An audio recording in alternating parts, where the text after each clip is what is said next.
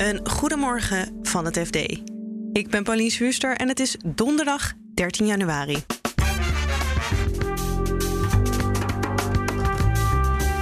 Zes grootgebruikers van Groningsgas moesten per 1 oktober de kraan dicht kunnen doen, maar die deadline gaan ze niet halen. Philips kreeg weer een tegenvaller te verduren in het slepende dossier rondom hun slaapapneuapparaten en dat deed het aandeel kelderen.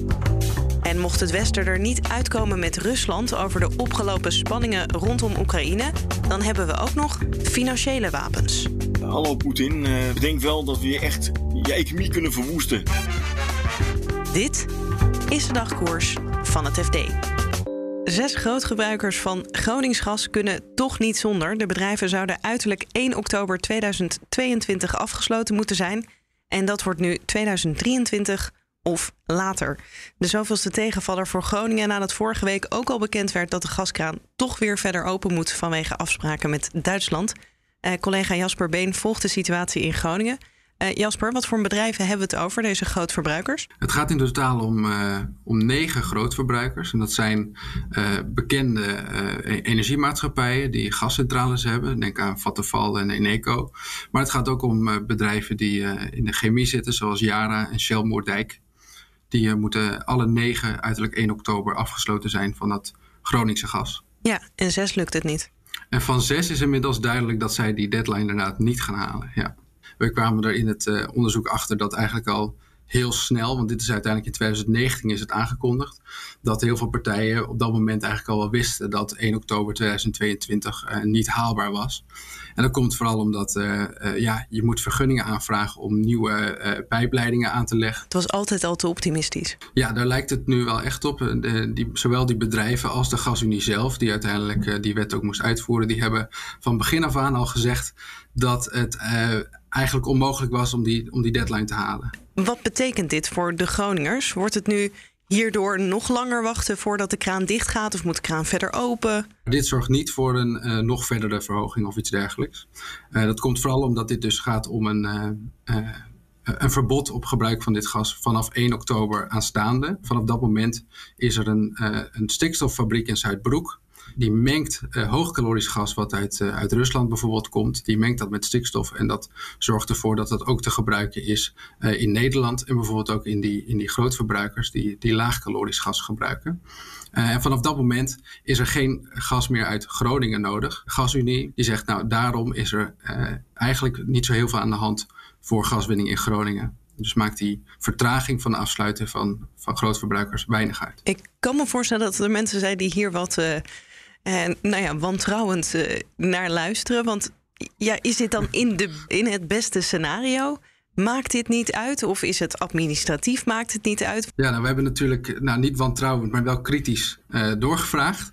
Uh, zo van hoe kan het dat er, dat er zes partijen zijn die wel degelijk samen gebruiken zij, die negen samen gebruiken 3 miljard kuub gas per jaar.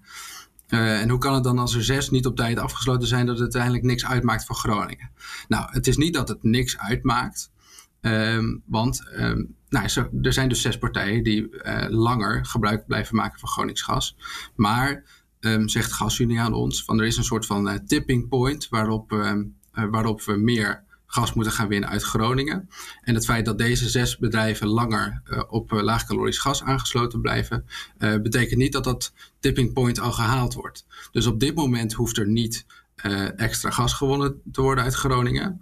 Maar op het moment dat er nog andere vertragingen opspelen, of bijvoorbeeld dat er een, een koude winter is, hè, dat is een van de belangrijkste redenen waarom er meer gas gewonnen zou moeten worden, ja, dan bereik je wel sneller het punt de, uh, dat je wel meer gas uit Groningen moet winnen.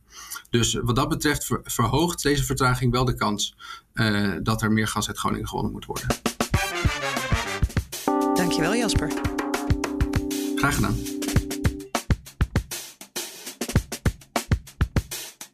Het is de week van de diplomatieke gesprekken over de spanning rondom Oekraïne tussen Rusland en het Westen. En het is misschien goed om te weten dat naast militaire interventies het Westen Rusland ook fors kan raken met financiële wapens. Want de sancties die we hebben opgelegd toen Rusland de Krim binnenviel, het bevriezen van bezittingen van bedrijven en privépersonen, heeft flinke impact gehad. Meer dan we denken. vertelt onze bankenredacteur Marcel de Boer. De economie is, gestagneerd uh, sinds uh, 2014. Terwijl bijvoorbeeld de, de economieën in de omgeving, Polen, Roemenië, de Baltische landen, die zijn met uh, jaarlijks 3 tot 5 procent gegroeid. Wat zouden we op dit moment kunnen doen? Of zijn er plannen om mogelijk te doen vanuit de VS of Europa? Er wordt natuurlijk vooral over nagedacht van wat, wat kun je doen. Het zijn meer stokken achter de, die je achter de, de deur kunt houden. Ja. Uh, in, in de, in de uh, discussies met de, Rus, met de Russen, met de onderhandelingen. En wat voor stokken zijn dat dan? Uh, nou ja, je kunt beginnen met dus nog veel meer bedrijven en, en, en bijvoorbeeld oligarchen in de band te doen. Vervolgens kun je natuurlijk gaan denken aan de handel in Russische obligaties die je stopt buiten, buiten Rusland. Ja. Dat is ook vervelend. Vervolgens kun je gaan denken aan de geleidelijke ontkoppeling van Rusland van het westerse financiële systeem. Ja, en ik begrijp dat er dan een soort WhatsApp is internationaal voor banken waar je ze zou van, van kunnen loskoppelen. Ja, dat is SWIFT. Eigenlijk is het gewoon een berichtendienst uh, die banken gebruiken om, om, om met elkaar te communiceren. Ja. Uh, dus dan zegt de ene bank tegen de ander: uh, dit geld komt eraan en je moet dat en dat doen om het allemaal te regelen als je daar van afgekoppeld wordt, dan, ja, dan wordt het heel lastig om betalingen mogelijk te maken. Het is, het is wel te doen, hè, maar dan moet je gewoon weer werken met, met, met een telefoon of met, met een telex. Of, is moeizaam. En dat kost dus geld. Om even in de militaire termen te blijven, de nucleaire optie is om ze los te koppelen van de dollar. De Amerikanen kunnen precies zien wie wat overmaakt in dollars. En die kunnen ze verbieden geld gaat niet naar Rusland, klaar. Ja, en ze kunnen ervoor zorgen dat banken die dat dan wel doen, ook al zijn het helemaal geen Amerikaanse banken, die kunnen ze aanpakken. Bij ons is natuurlijk de dollar niet uh, de gebruikelijke munt, maar daar zullen wij wel bijeffecten van hebben. Zeker. Je kunt die, die olie en gas in euro's verhandelen. En dan zien de Amerikanen niks. Maar goed, als ze de lucht van krijgen, dan, uh, dan, ja, dan ben je als, uh, als, als bank toch snel klaar. die, als ze je willen aanpakken, dan, dan kunnen ze dat doen. Ja, en wij hebben flink wat geld ook nog richting Rusland. Nederlandse banken hebben, hebben een, een, een, blootstelling van 1,8 miljard ja. aan, aan, Russische ingezetenen. En de Amerikanen zitten maar op 135 miljoen. Dus het, het, doet ons veel meer pijn dan, dan de Amerikanen. We kunnen dus financiële wapens inzetten, maar dat is misschien ja, is ook niet zonder risico's. nee, maar goed, het, het is, ja, ik denk dat je het vooral moet zien als, als, als stok achter de deur. Van, uh, hallo Poetin, uh, bedenk wel dat we je echt je economie kunnen verwoesten. Goed, de vraag is natuurlijk of, of, of, of Poetin daar gevoelig voor is. Hij kan redeneren dat de Russen veel meer pijn kunnen lijden dan wij. want hij kan op zijn beurt natuurlijk gewoon de gaskraan dichtdraaien. waardoor ook onze economie een, een enorme tik gaat krijgen. Dankjewel Marcel. Heel graag gedaan. De problemen met de slaapapneuapparaten van Philips zijn nog groter dan analisten hadden gedacht. En daarom gaf Philips gisteren voor de tweede keer in drie maanden een omzet- en winstwaarschuwing af. De terugroepactie van maximaal 4 miljoen apparaten wordt uitgebreid naar 5,2 miljoen. Een enorme klap, zegt Tjeu Fase, die Philips volgt voor het FD. Het is echt wel een vrij groot drama. Het, uh heeft Philips echt in diepe problemen gebracht. En uh, voor het eerst is daar in april vorig jaar heeft Philips voor het eerst melding gemaakt van de problemen met die slaapapneuapparatuur. Maar die blijken toch iedere keer weer groter dan gedacht. Het is wel goed om even naar die koersreactie te kijken. Want dat geeft toch een beetje aan hoe het, het, het vertrouwen en de waardering voor het concern zit. En die, die koers is sinds april vorig jaar met, nu met 40% gedaald. En als je dat afzet tegen de AEX die gestegen is, dan kun je zeggen dat, ze, dat, dat die koers misschien wel is gehalveerd. Ja, dat is echt dramatisch. Dat brengt het bedrijf echt wel in een lastig pakket. Is het dan die winstwaarschuwing die omzetwaarschuwing alleen te wijten aan de problemen met de slaapapneuapparaten zijn groter? Of zit er ook iets anders mis?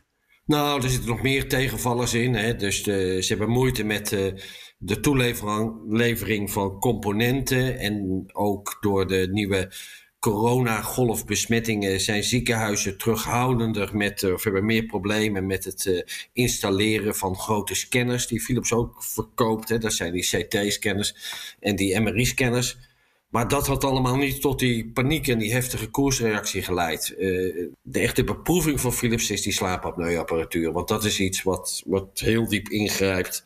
Uh, op de, ook op de toekomst uh, van Philips en het vertrouwen in het, in het management zijn ze wel in staat om, om Philips weer in veilig vaarwater te loodsen. Ziet Philips dat zelf ook zo? Dat ze een verband leggen tussen, nou, dit is wel een risico voor onze reputatie als wij gevaarlijke apparatuur hebben verkocht?